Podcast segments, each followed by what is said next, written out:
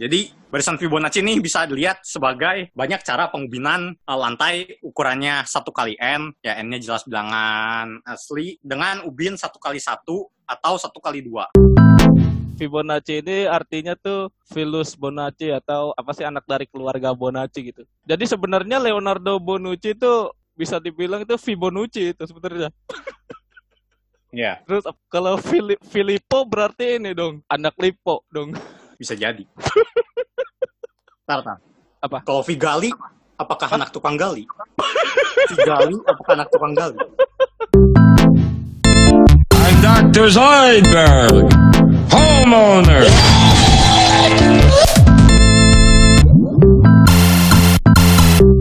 Selamat datang di podcast Bebas Linear episode ke-13 bersama saya Rizky dan partner saya Lawrence.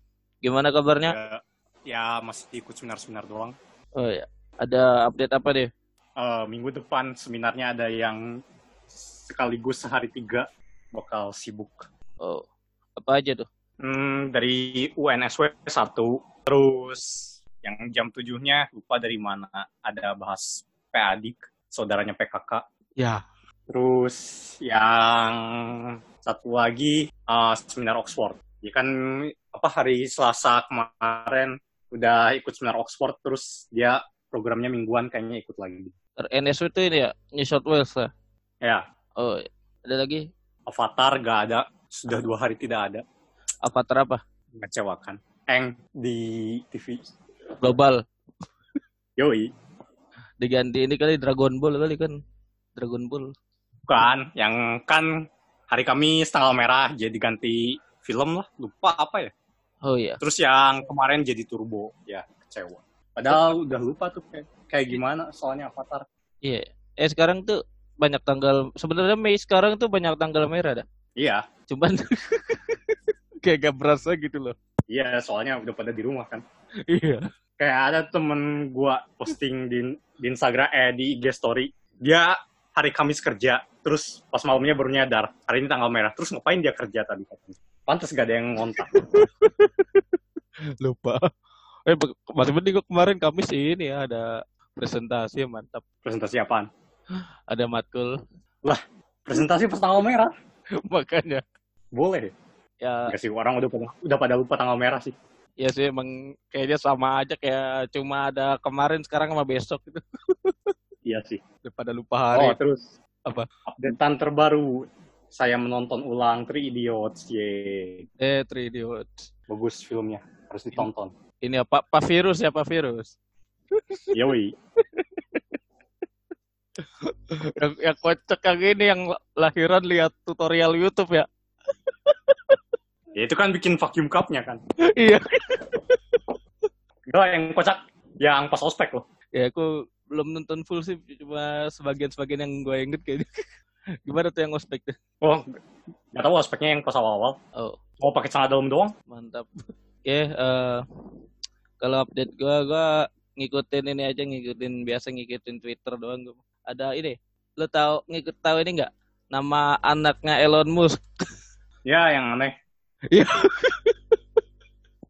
ya itu di mana-mana ya. tahu apa tuh XAE? AE-nya ini AE AE Denmark. Iya. A12 apa gitu. Dibacanya apa sih? Ash Archangel gitu. Ah, nggak tahu. Terus ada yang- terus di Twitter ada yang ngasih gini, gua ngasih nama ini aja lah untuk setiap epsilon lebih besar daripada nol terdapat ini pakai simbol. Terus dipanggilnya limit. Oh. Panggilnya apa? limit. Yang masalah tuh kalau nulis nama di akte kelahiran sama pasti KTP. Sama pas UN. Kalau pas UN. Apa SP, Itu, SBMPTN. itu Kan udah bulletinnya gak yang ada. mana coba? Iya, SBMPTN kalau gak. UN udah gak ada kan. Ya itu susah. Iya. Makanya ini mau bulletin yang mana coba? Kalau enggak ini Ya, aja. terus Apa apa? apa apa lagi terus lanjut apa? dulu, lanjut dulu, lanjut dulu deh. Kalau enggak ini aja F, FX sama dengan FA plus F aksen A X min A plus ini dipanggilnya Taylor. Kurang swift. Ya itu nam- nama keluarga aja. Oh iya. Atau enggak A-nya ganti nol gitu. McLaren. McLaren. Gue kata temen gue Mc- McFlurry. Aduh. ya apalagi McLaren. ya, apalagi tadi. Ya, lagi musim ujian gak sih ITB minggu ini? Iya emang emang lagi masa-masa ujian dua minggu sekarang minggu ini sama minggu depan. Ya, jadi gimana? Udah berapa ujian? Gua kayak udah dua matkul kelar tinggal satu lagi sama tesis paling. Itu sistemnya sama. Sistemnya kayaknya online deh. Sama ya. Ya, yang dua matkul itu. Do, eh ya ngerjain online. Ada PG isian. Enggak enggak enggak. Oh, oh di, di kertas esai. Cam scanner. Oh, SI. Cam scanner. ya, ya. Scanner. Ada update lagi paling dari ini, dari bola. Ada yang udah mulai jalan liga domestik. Oh iya. Ada liga liga Korea jalan Oh, wajar wajar. sama ini Bundesliga katanya minggu depan apa udah mau mulai jalan. Liga Jerman Oh iya benar. sama Terus katanya apa? Ada yang resmi diberhentiin Belgia, Bulgaria sama mana gitu. Bulgaria kata dia. Belanda, Belgia, Belanda sama Prancis. Oh iya ya. Ya, Pra- Prancis mah sebenarnya gak usah di di running udah tahu juga sih yang mana yang juara. Ya. Itu jadinya gimana? Apa? Eh, resmi juara atau kalau diberhentiin gak dapat juara sih? Kayaknya yang PSG udah pasti juara deh yang Prancis deh. Tapi kalau yang Belgia Belanda karena masih deket-deketan gitu masih belum juara. Masih Jadinya apa, gimana tuh? di- Berarti di- dinyatakan ya, dinyatakan nggak ada ada juaranya pemenang. gitu. Ya, nggak ada pemenangnya. Oh, iya. Sama ini nih, eh apa? FIFA ngebolehin ini pergantian lima pemain. oh iya, Tapi banyak tapi i- tapi ngegantinya cuma boleh tiga kali biar gak ngulur-ngulur waktu. Ngerti gak? Oh, ya ya. Jadi sekali ganti kayak dua atau tiga pemain gitu ya. Iya kayak gitu. Nah, nah ini jadi masalah ini soal soal kombin baru nih. Gimana caranya? Ada berapa banyak cara mengganti ba- banyaknya pemain sehingga lima lima pergantian itu kepake tapi cuma dalam tiga waktu atau Ah. kurang gitu. Ya ya ya. Ah, bisa kan? Ya ya. Ya ini kalau misalnya ada pendengar yang penasaran, ah ada yang pe- pendengar yang pengen nyoba ya silakan di DM aja ke at Fadila atau at oh ya kita kita bebas leader udah punya Twitter juga at bebas linear dia saya Yeay. bikin daripada keduluan orang kan Ya. ya itu Oh terus ada update dari Barca udah pada udah pada latihan. oh ya emang ya La Liga kayaknya udah pada latihan deh Tapi individu gitu loh. iya ya. Jadi mereka datang ke lapangan, yang latihan di lapangan cuma berapa orang sisanya nonton terus giliran. gak ngerti deh. Padahal sebenarnya harusnya tuh kayak kalau latihan tuh latihan aja semuanya gitu. Yang penting bukan menghindari kerumunan yang kita nggak tahu sama siapa gitu, ngerti gak? Jadi kayak Ya kan nggak tahu juga ada virus atau enggak. ya maksudnya Nggak gitu loh maksud. Gak ada, gak ada. Jadi gak efektif Adanya gitu di. Three Idiots. Eh. Masih aja ya. Punya Bopen. Bopen astronot. Jadi jadi inget ini apa? Dua dua minuman yang nggak boleh dicampur. Apa sih? Ini Lupa. corona sama virus tahu gak? Oh ya ya ya. Yang gua kirim di grup Ya ya. Virus corona sama ini so- soda virus. Tapi lo udah pernah nyoba itu belum? So- soda virus tuh lumayan tuh kadang Belum. enak dah. Yang rasa apa tuh kurma tuh. Ada rasa kurma. ada ada. Iya tadi tapi ya tadi kalau latihan pisah-pisah gitu apa ya? Yang penting paling la- latihan fisik dulu sih itu. iya sih. Aslinya kayak Latihan kayak, fisik di bawah yang kayak gitu-gitu. kayak buat buat ngembaliin ini ya kan udah lama gak keluar gitu ya. Paling kan di rumah treadmill atau apalah kan kayak kemarin apa ada juggling pakai tisu tahu nggak? yang challenge juggling pakai tisu nggak boleh nggak jatuh. boleh itu kan tisunya. Iya ya tahu tahu tahu tahu. Ya terus nggak boleh kebuka. Ah, kan di rumah paling gitu kan belum ngerasain lapangan lagi. Iya kayak apa ada lagi? Apa ya udah paling? Ah ya kayaknya udah juga ya. Oke langsung ke bahasan ini aja lah. Oke kita hari ini akan bahas tentang eh, Fibonacci, barisan Fibonacci ini. Mungkin kalian per- mungkin udah tahu atau pernah dengar gitu ya. Ya. Nah, eh, kebetulan nomor episode ini juga salah satu bilangan Fibonacci. Jadi barisan Fibonacci siapa? Ya, siapa lagi? Yang nemuin jelas Marfuad. Oh, bukan virus. Bukan. jelas ya eh, penemu barisan Fibonacci adalah ya itu Fibonacci sendiri. Tapi eh, Fibonacci ini nama aslinya bukan Fibonacci, tapi eh, Leonardo Bonacci. Ya, Ini mirip-mirip sama ini back back Juventus ya. ya. Kan Karena- sama-sama dari Itali. Ya. Karena ada tuh Leonardo Bonucci. Nah, nasi Bonucci. apa? Iya, Bonucci. Nah, Fibonacci ini artinya tuh Filus Bonacci atau anaknya Bonacci gitu atau keluarga apa sih anak dari keluarga Bonacci gitu. Jadi Ya. jadi sebenarnya Leonardo Bonucci itu bisa dibilang itu Fibonacci itu sebenarnya. Ya. Terus apa lagi? Kalau ini kalau Fili- Filippo berarti ini dong, anak Lipo dong. Bisa jadi. Anak ini ada ada Karawaci ternyata Filippo ya. Iyalah. Jadi Tar, tar. Apa? Kalau Vigali, apakah anak tukang gali? Vigali, apakah anak tukang gali? bukan dong. Virus, anaknya Rus. Bukan. sudah sudah. ya juga ya. Jadi coronavirus nih udah pakai dua nama matematika. Yang satu virus anaknya Rus. Corona tuh kan kalau di matematika kalau ada dual-dual pakai ko kan. Ko Iya. produk, ko apa. Jadi siapa Rona? Kita bahas dualnya. Kop produk. Direct kop produk ya, ya ampun itu Iya. astaga. Ini juga yang harus kita cari tuh berarti bukan coronanya, ronanya dulu. Kenapa gak, gak cari koro dulu? Kalau koro dulu nanya ini apa? Nanya ya itu apa ya? Gak, gak tahu juga. Eh, Fibonacci ini lahir di Pisa, Italia pada 1170. Berarti dekat-dekat Ya. menara Pisa itulah ya. Mungkin. Ya. Nah, pada 1202 Masehi, eh, Fibonacci ini mempublikasi buku Liber Abaci yang artinya adalah Book of Calculation atau bahasa Indonesianya buku hitung-hitungan. Ya. Nah, ini kalau zaman dulu keren gitu ya. Ini Liber Abaci gitu. Apa kayak kemarin Sekarang kalau kalau sekarang judulnya buku hitung-hitungan itu ini Erlangga. sih. Kalau enggak ini Yudhistira. Yudhistira apaan? Penerbit juga. iya. Oh, Emang dulu buku penjaskes lu pakai apa dah? gak ingat. Pesan cuma LKS ya?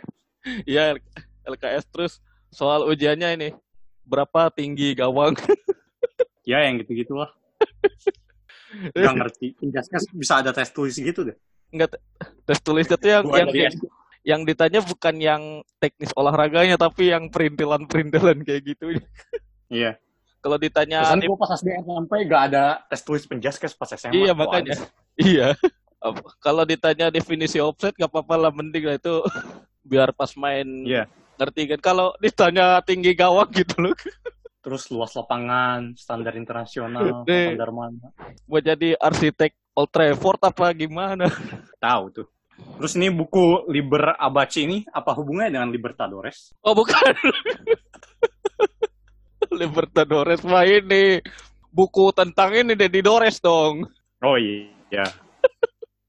Kan lib- liber kan buku kan library, librarian gitu. Iya ya.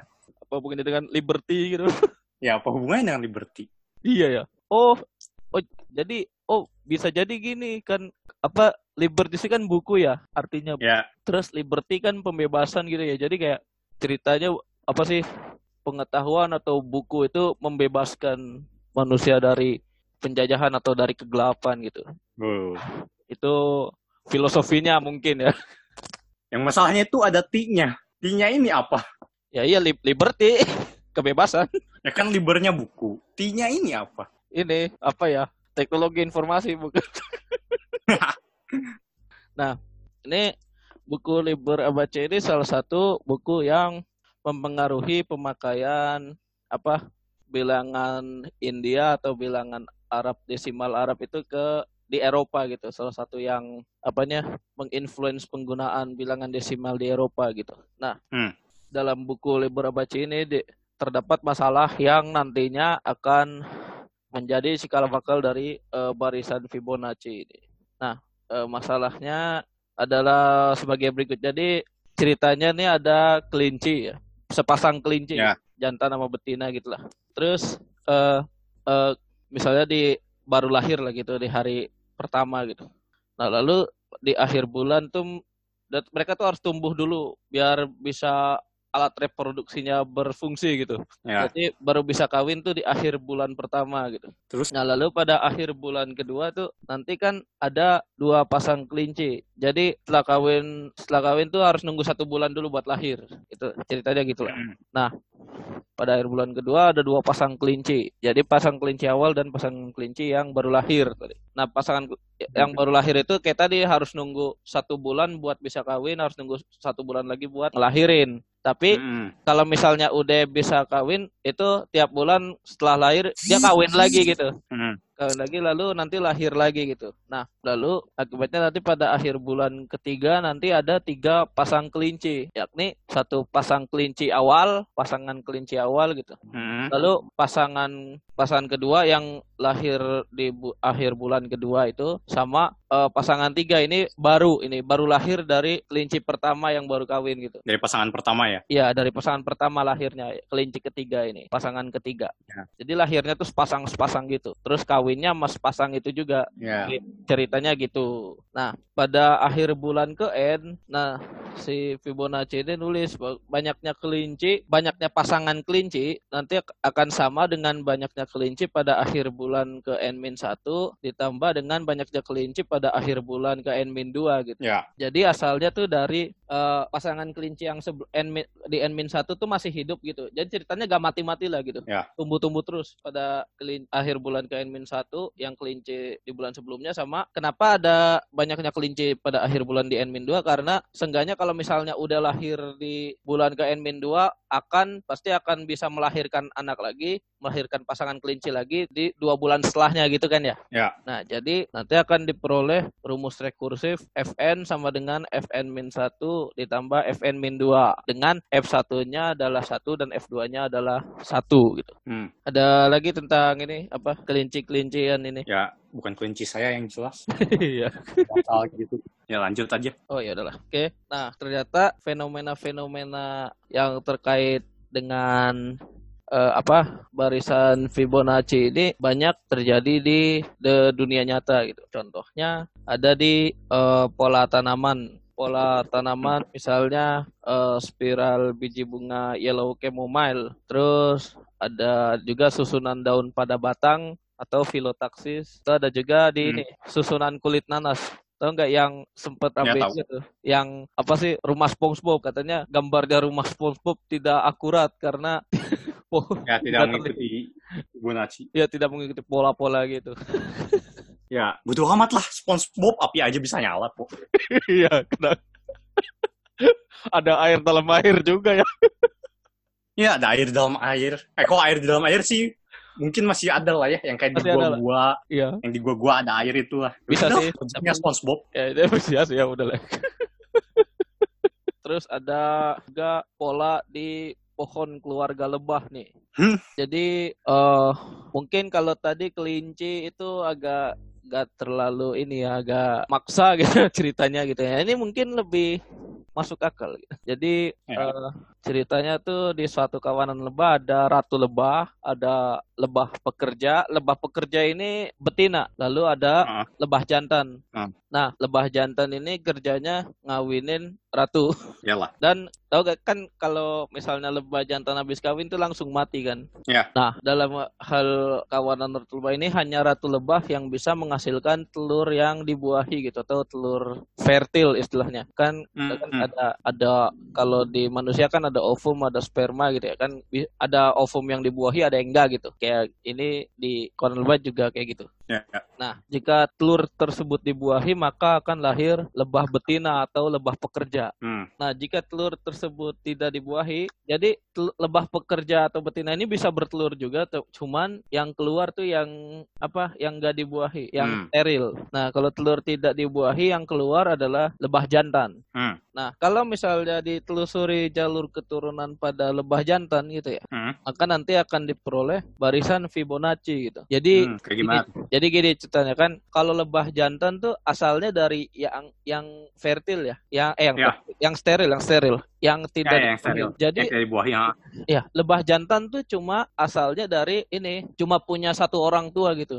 Ceritanya gitu, Iya. cuma punya satu orang tua. Nah, kalau misalnya lebah betina, lebah betina tuh cuma eh kalau lebah betina punya dua orang tua yakni si, eh, si ratu lebah sama yang jantannya yang membuahinya gitu. Ya. Nah, tadi kalau misalnya kita tinjau yang lebah jantan ya, maka nanti diperoleh banyaknya orang tuanya tuh per generasi gitu. Jadi satu yang lebah jantan si X ini satu lebah jantan. Lo kan dia lahir dari telur yang gak dibuahi ya dari lebah pekerja ya. Jadi satu, satu, satu. Nanti si kan lahir kayak lahir dari lebah pekerja yang tidak dibuahi. Nah, si lebah pekerja ini kan lahirnya dari ratu sama lebah jantan lain gitu ya. Ya. Jadi dua tuh. Jadi satu, satu, dua. Oh. Nah, si lebah ratu ini lahirnya dari itu lagi, dari apa? Dari dua lagi Ya, yang ya. dibuahi sama pejantannya. Jadi ratu regenerasi sebelumnya lah.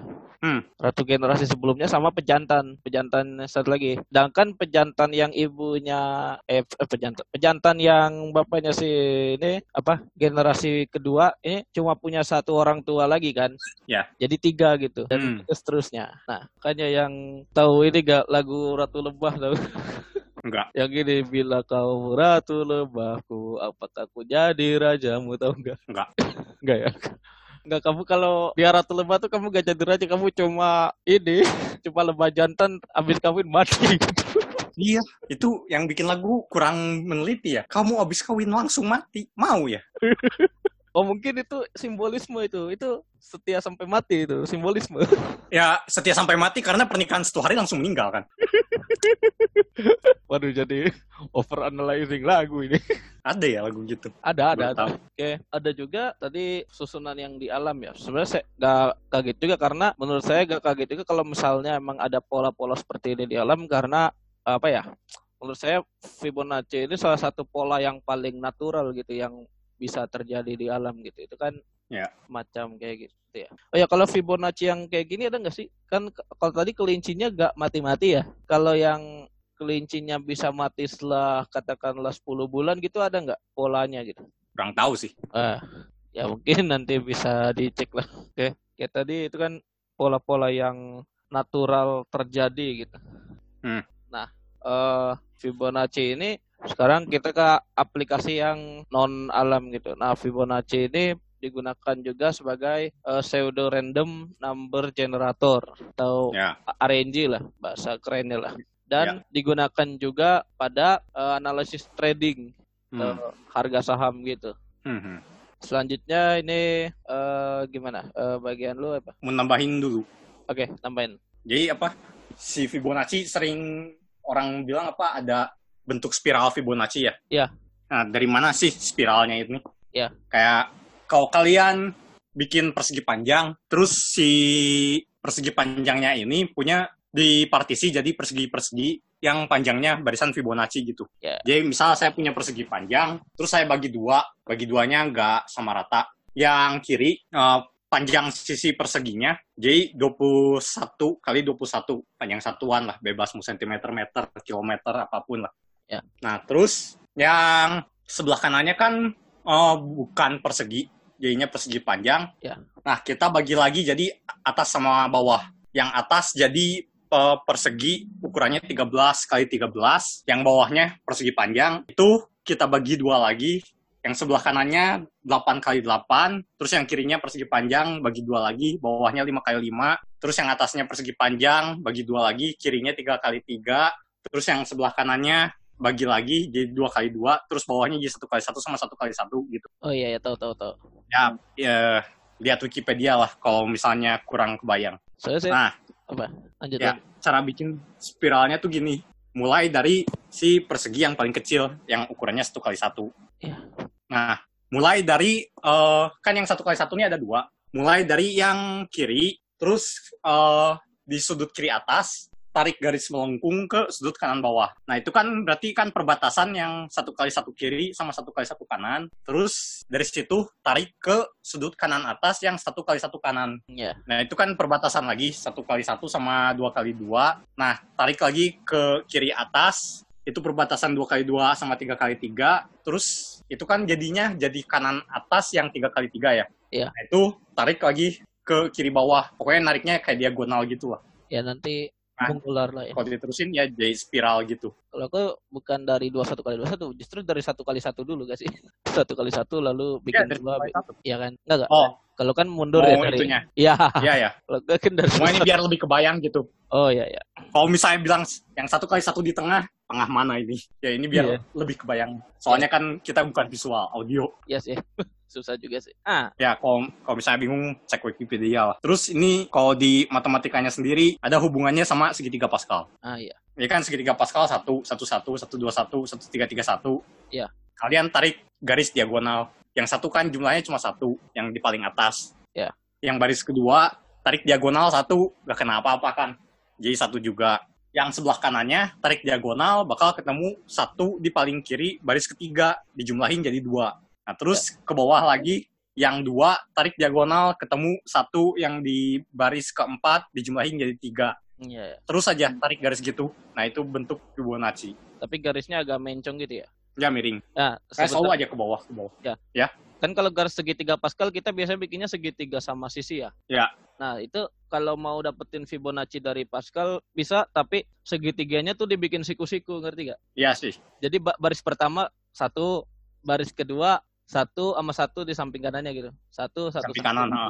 Ya, jadi dibikin dibikin matrix gitu lah. Ya ya. Bikin segitiga siku-siku. Satu, satu, satu, satu, dua, satu, baris ketiga satu dua satu baris ketiga satu tiga tiga satu tapi satunya tuh satu paling kiri tuh sejajar semua gitu Ya ya. Benar. Terus di- kalau ditarik diagonalnya itu kita dapat bilangan Fibonacci ke n Ya kalau dijumlahin. ya kalau dijumlahin betul betul Nah terus ada aplikasi.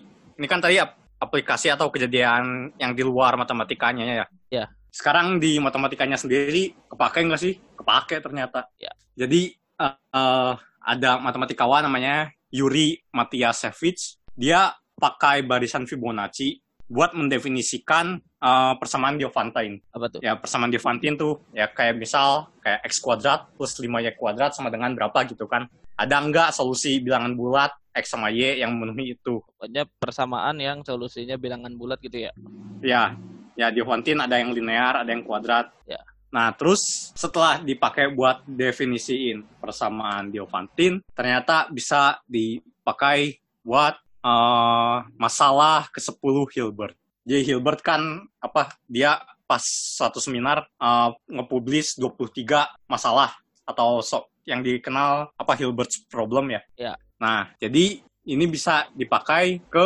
masalah Hilbert ke 10 yaitu tentang persamaan Diophantine. Nah, terus Fibonacci juga ada Fibonacci coding. Jadi ini uh, penemunya Zeckendorf, uh, Z E C K E N D O R F Zeckendorf. Jadi dia ya uh, fakta ini sebenarnya jadi suka jadi soal latihan lomba juga. Kalau si setiap bilangan asli itu bisa ditulis jadi penjumlahan uh, bilangan-bilangan Fibonacci mau satu atau lebih dan itu tunggal gitu cara penjumlahannya. apa deh yang bilangan Fibonacci gimana gimana Jadi setiap bilangan asli bisa Ya. ditulis sebagai penjumlahan bilangan-bilangan Fibonacci. ya tapi Ya walaupun disebut bilangan-bilangan ini bisa satu, bisa cuma satu gitu kan. ya ya ntar setahu Hmm. tunggal deh justru Tunggal kalau tidak berturut-turut.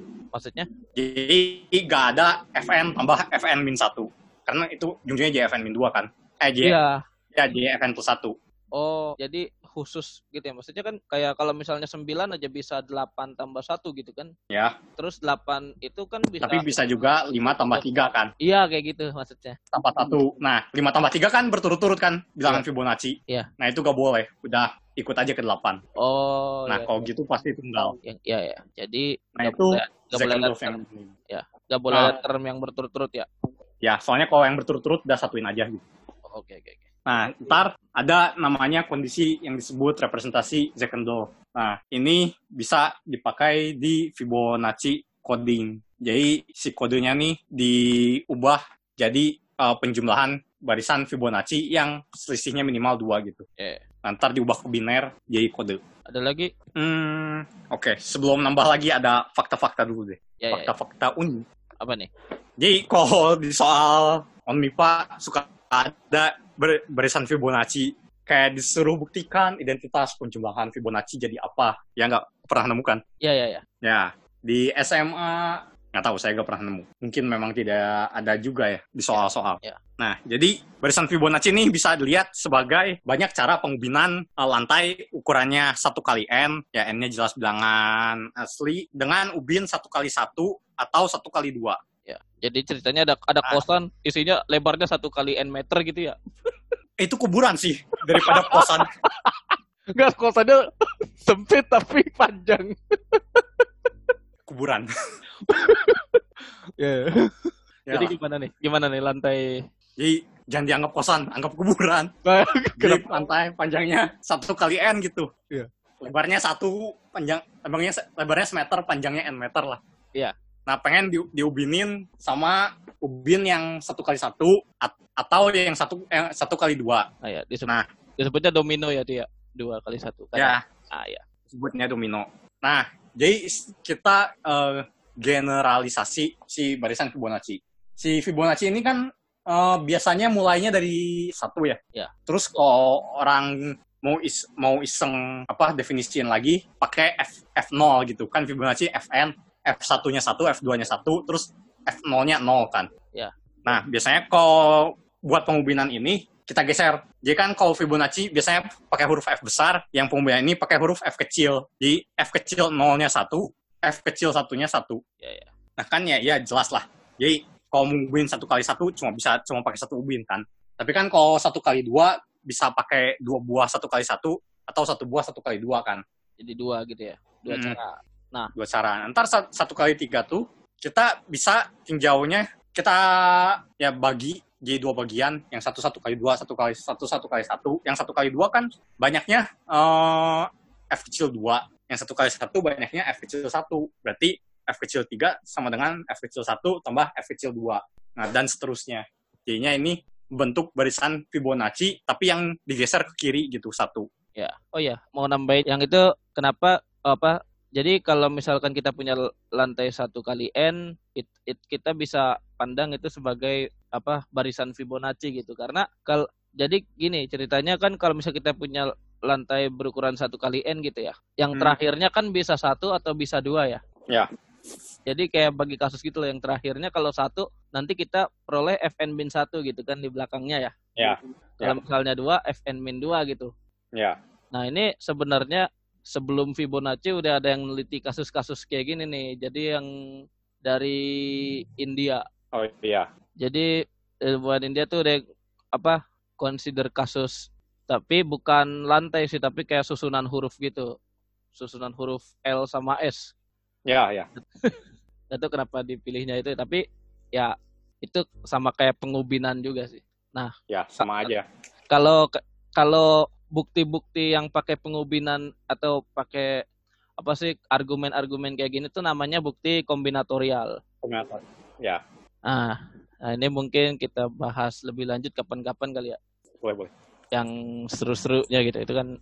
Jadi ngebuktiinnya tuh kalau soal on MIPA tuh kan ada yang suka pakai bukti apa sih soalnya kombi kom, buktikan ini kombinasi apa-apa sama dengan bla bla bla itu jangan pakai aljabar. Malah kadang-kadang emang di soalnya dituliskan dengan menggunakan Ya. bukti kombinatori. Jadi bukti kombinatorik itu ya apa sih menyatakan satu dua ruas gitu bisa pakai dua cara yang berbeda tapi sebenarnya ngitung hal yang sama gitu. hal yang sama. Nah, Ya, nah itu, itu nanti kita bahas kapan-kapan. Nah, terus ini jadi soal omnipa wilayah tahun kita, si Fibonacci ini bisa ditulis dalam bentuk matriks. Ya, ya. Jadi kalian bikin matriks dua kali dua, Hmm. eh, posisi kiri atas satu, posisi kanan atas satu, posisi kiri bawah satu, posisi kanan bawah nol. Nah, kalau kalian pangkatin n, itu hasilnya jadi matriks Fibonacci. Nah, matriksnya tuh yang kiri atas fn plus 1, kanan atas fn, kiri bawah fn, kanan bawah fn min 1. Ya, ini pakai induksi bisa lah ya. Ya, terus lupa yang soal B-nya apa sih? Pokoknya soal A-nya ini. Ya, Terus soal B-nya bu- buktiin, oh ini fn plus 1, fn min 1, kurang fn kuadrat sama dengan min 1 pangkat n ya. oh iya ya. Kalau Itu salah. itu pakai diskriminan kalau salah. Eh, determinan. Determinan. Ya. Ya. Nah, terus yang tadi kan nih soal ONMIPA ya. Ya. Yang pakai determinan. Ya. Ya, saya sih gak nyadar ya yang bagian B pakai determinan. Jadi induksi ulang. Selesai ONMIPA, Kiki bilang lah, kan tinggal pakai bagian A. Oh iya ya. Ya udahlah, bodo amat. Ya udahlah. Saya kira itu dua hal yang terpisah. Oh, ternyata bisa ya pakai yang. Oke. Ya makanya. Terus ada lagi apa nih? Ya, terus eh, ada perumuman-perumuman barisan Fibonacci. Apa aja nih? Yang pertama eh, barisan Lukas. Jadi Right. kan kalau barisan Fibonacci kan apa disebutnya barisan rekursif ya. Iya. Jadi suku ke n ditentukan oleh suku-suku ke sebelumnya, walaupun nggak harus semuanya pakai gitu. Iya. Nah si Lukas nih eh, ubah dikit Fibonacci kan fn plus 1 sama dengan fn tambah fn min 1. Iya. Kalau si Lukas ya ganti koefisiennya aja, jadi ln plus 1 sama dengan aln tambah bln min 1. Nah, ya. Sebenarnya tuh Lukas tuh kan dari Prancis jadi bacanya Lukas sih sebenarnya. Tapi ya Udahlah. Ya udahlah. Orangnya juga gak protes kok. Iya. Kalau protes kan takut ya. Ya tadi jadi Fibonacci ini sebenarnya kasus khusus dari Luka untuk A-nya sama dengan satu, B-nya sama dengan satu gitu ya. Ya. Jadi kayak kombinasi linear dari inilah ln ln sama ln min satu gitu. ln plus satunya. Ya. Semacam itu. Lo ada lagi? Nah, terus ada Tribonacci ya tinggal tambahin aja satu lagi kayak apa TN sama dengan TN min 1 tambah TN min 2 tambah TN min 3. Terus ada Tetranacci, Pentranacci dan seterusnya. Jadi ada yang ada yang empat suku sebelumnya, lima suku sebelumnya. Ya, secukupnya loh. Iya. Nah, terus menariknya si barisan Fibonacci kalau kita bagi dengan yang sebelumnya, jadi Fn plus 1 dibagi Fn, dia tuh konvergen ke suatu nilai. Nah, suatu nilainya ini nanti akan kita bahas namanya golden ratio. Nah, sebelum masuk ke golden ratio, nanti ada lagi nih. Jadi, uh, Fibonacci ini bisa ditulis dalam uh, golden ratio pangkat n tambah sesuatu, pangkat n lagi dibagi sesuatu gitu. Ya.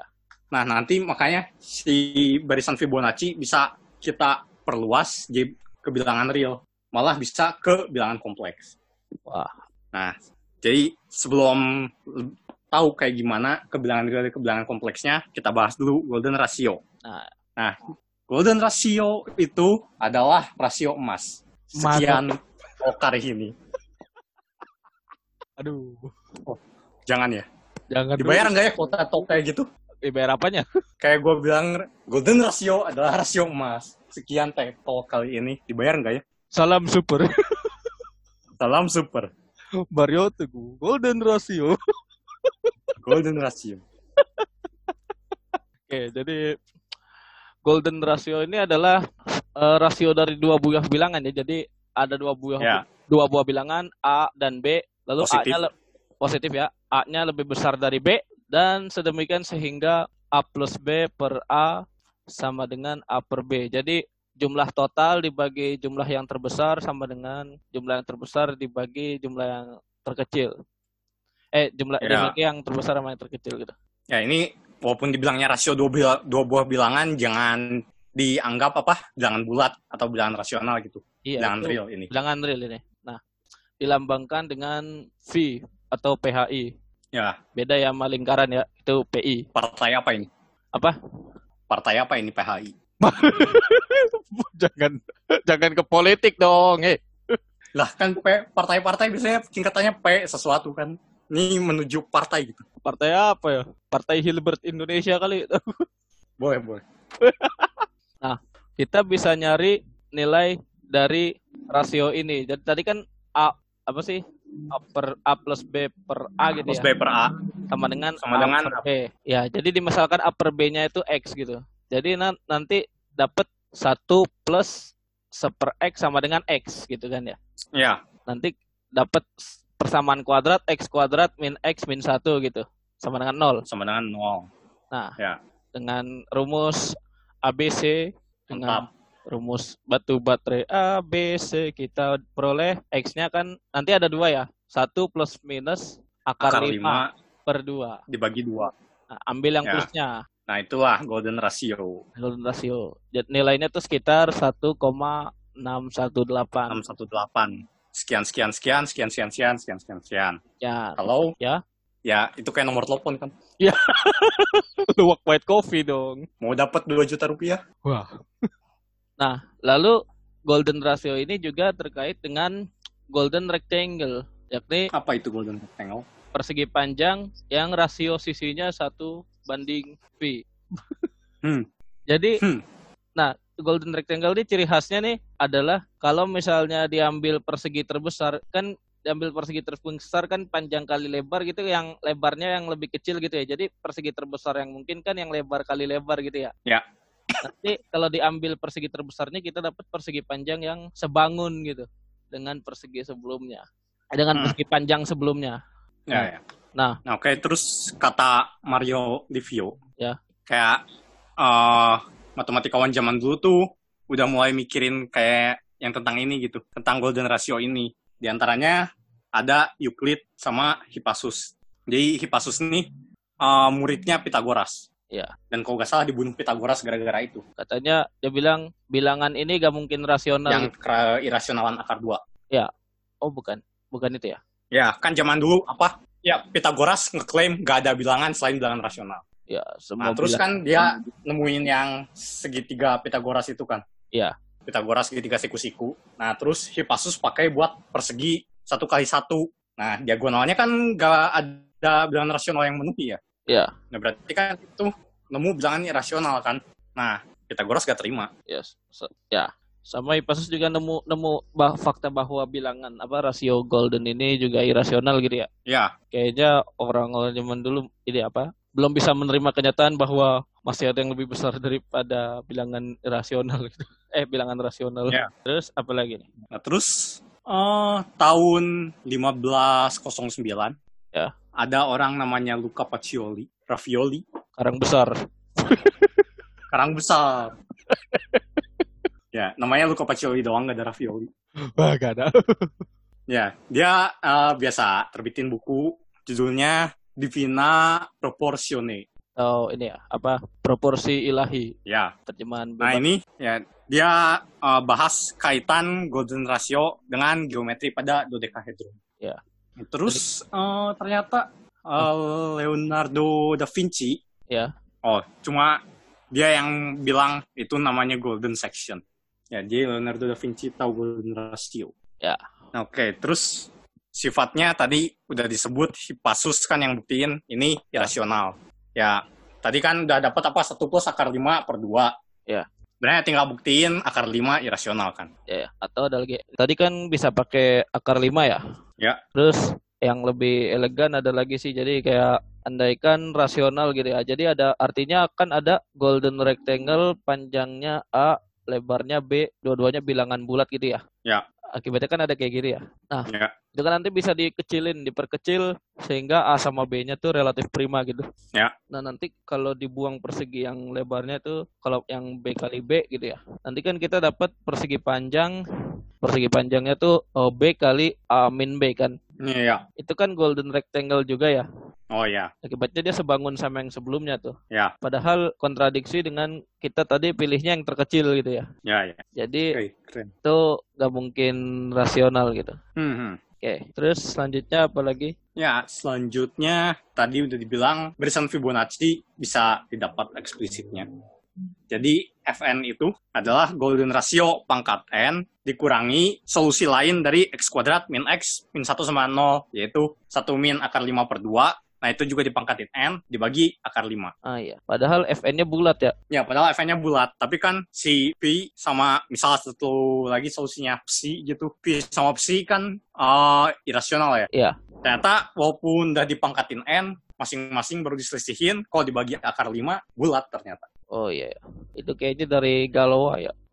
Eh, kayaknya nggak tahu. Oh, ya terus Nah, terus si golden ratio nih punya bentuk-bentuk lain. Apa nih? Salah satunya adalah pecahan lanjutan, continued fraction. Apa nih? Nah, jadi eh, kalau pecahan kan cuma upper B beres kan. Iya. Nah, continued fraction nih kayak berapa tambah berapa dibagi berapa tambah berapa dibagi berapa tambah berapa. Nah, golden ratio nih bentuknya adalah satu ditambah satu dibagi satu ditambah satu dibagi satu tambah satu dibagi dan seterusnya. Oh iya iya. Itu kan kayak Dia bisa dibilang ini bentuk pecahan lanjutan paling sederhana. itu bagus tuh satu semua kan koefisiennya kan. Ya, satu semua. Terus kalau misalnya pakai akar bersarang, ya akar, diakarin lagi. Oh iya, itu kan kayak ini ya yang satu plus eh, satu per Jadi satu per satu. bentuknya uh, akar, satu tambah, akar, satu tambah, akar, satu tambah, dan seterusnya. Ya ampun. Itu kan kayak sebenarnya itu kan kalau misalnya yang pecahan awalnya di misalkan X gitu itu kan kayak X sama dengan satu plus satu per X gitu kan ya. Ya, kalau yang pakai akar juga kan, kalau itu dimisalin X, X kuadrat sama dengan satu plus X kan. Iya. Nah, nanti dapat persamaan yang kayak tadi lagi. Ya, dapat juga X kuadrat min X min 1. Nah, itulah golden ratio. Nah, ini ada eh, sepupu, saudara, entah siapanya, ada eh, silver rectangle. Jadi, kalau misalnya diambil persegi, persegi yang jika diambil dua kali persegi terbesar, jadi dapat si silver apa persegi yang sebangun. Jadi, silver ratio ini eh, n tambah akar n kuadrat plus 4, itu semua dibagi dua. Ya. Nah, bronze ratio juga ada. Kalau bronze ratio ya ini diambil tiga kali persegi yang terbesar kan. Iya ya.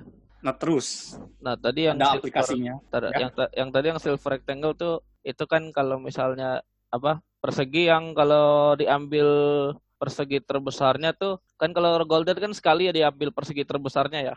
Ya, Panjangnya sama yang lebar kali lebarnya ya. ya ini Kalau silver diambil sekali lagi. ya kalau di silver diambil dua kali nanti dapat apa persegi panjang yang sebangun Ya, sama sebelumnya. Kalau bronze tadi tiga kali. diambilnya tiga kali. Nah ya secara umum tadi apa bronze rasio tadi apa secara umum rasionya tuh n plus akar n kuadrat plus 4 per 2. Nah terus ya aplikasi golden ratio terkenal banyak lah ya. Ya, Kayak di arsitektur ada bangunan Le Corbusier. Ya. Jadi siapanya Deddy Corbusier? Nggak tahu Nggak, saya ini- juga. ini ini beneran ini. Ini nama Deddy Corbuzier tuh asalnya dari Le Corbusier ini. Oh ini dari sini ya? Iya, kan kalau Hmm. Deddy Corbuzier pakai Z. Nah, ini arsitek ini lah Le Corbusier pakai S dia. Jadi diganti. Ya ya ya. Asalnya dari ini. Kemarin di podcastnya Deddy sama Helmi Yahya tuh ada tuh. Gue juga baru tahu dari ternyata dari nama arsitek Prancis. Hmm. Hubungannya apa ya sama sulap? Ya gak tahu keren aja kali. Karena Udah lah. nama aslinya Deddy Cahyadi. Ya sih, nama panggung kan harus. Eh Iya. biasanya yang keren-keren. iya.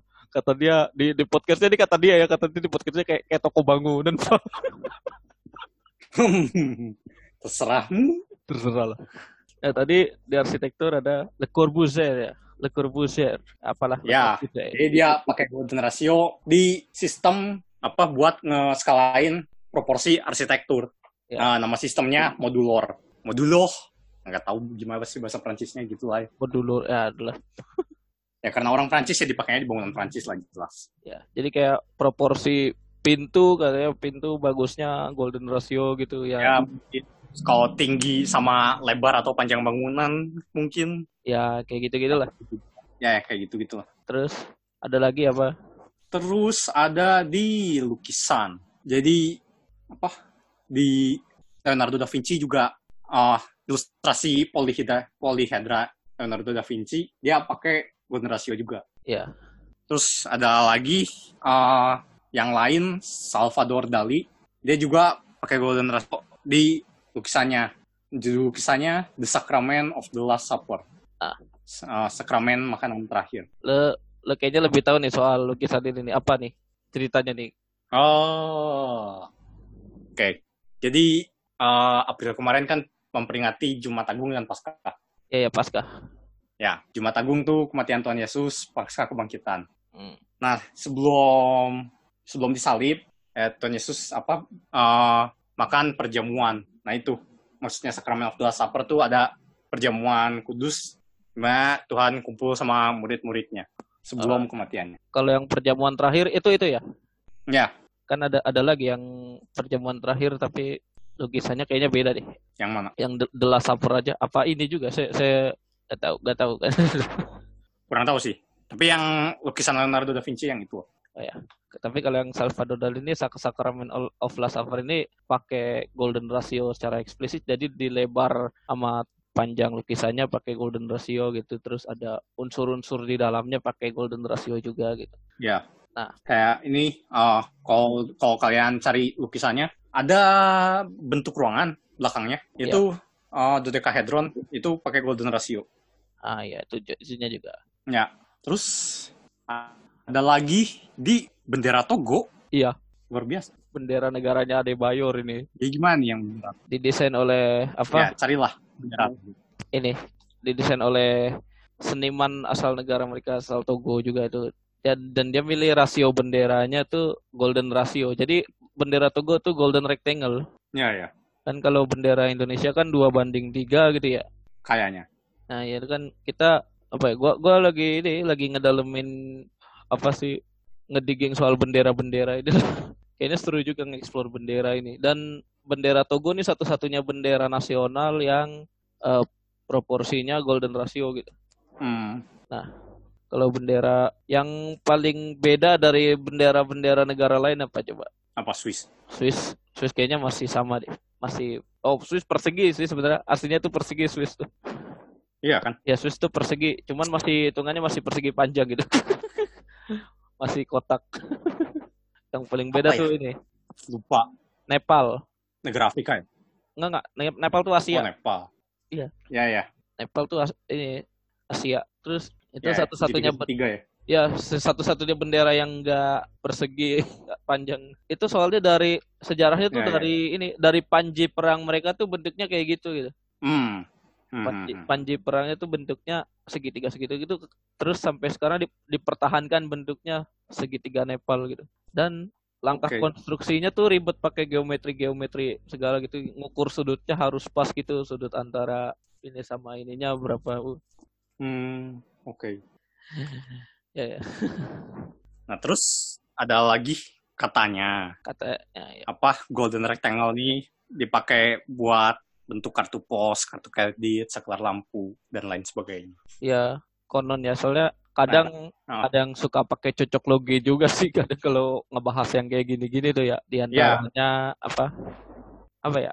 Katanya Mona Lisa tuh Mona Lisa pakai golden ratio, cuman belum ada yang bisa ngonfirmasi itu pakai golden ratio gitu loh. Ya, Atau at least mengaproksimasi golden ratio lah. ya, ya. Sama salah satu yang kabarnya masih belum apa sih terverifikasi itu yang ini, yang apa sih?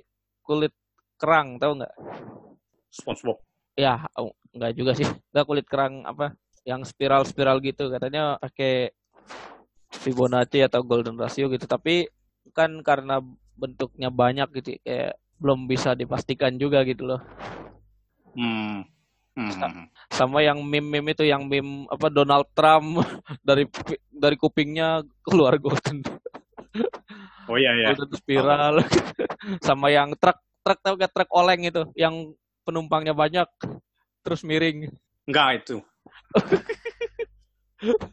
truk orang penumpangnya banyak yang kayaknya truk India apa ya miring terus terus dikasih golden ratio dikasih golden rectangle gitu Aduh. spiral ajaib Aduh. Nah, oke. Terus tadi sempat disinggung kan yang perluasan Fibonacci mau ke bilangan real ke bilangan kompleks. Ya. Nah, Fibonacci kan Fn sama dengan Pn kurangi ya misal solusi satunya lagi Cn dibagi akar 5 kan. Ya. Nah, sebenarnya kita bisa nggak pakai psi ini. Jadi, buat yang bilangan genap n, buat n-nya genap, bisa jadi pn kurangi dalam kurung minus pi dipangkatin min n, baru dibagi akar 5. oh Nah, terus buat yang ganjilnya, pn tambah pi pangkat min n, dibagi akar 5. Oke. Nah, itu kan bedanya cuma beda dikit lah ya. ya Nah, buat ngegeneralisasi ke bilangan real, Ya. kita pakainya ini. P pangkat X dikurangi cos dari XP dikali P pangkat min X dibagi akar 5. oh jadi kayak kan kalau Fibonacci didefinisikannya di bu- bulat aja gitu ya. Ya, Lalu kita digeneralisasikan. perluas. Oh. Ya.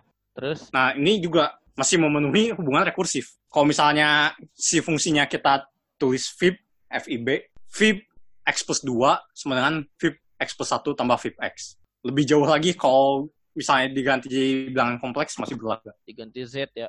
Ya, Oh. nah itu ada kosinus ya, tadi cocokologi sudutnya kan. Ya. Kalau ganjil kan, cos sekian pi, berarti nanti jadi minus kan. Makanya ntar jadi plus, cocok.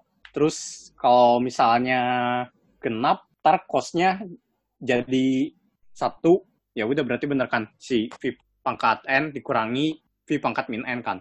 Ya. Dibagi akar 5. Ada ini nggak properti-properti yang unik gitu? Misalnya akar-akarnya apa aja gitu? Oh, belum tahu. Oh. kalau mau dicari eh, cari apa yang memperluasnya ini Eric Weinstein W E I S S T I N T E I N Ya.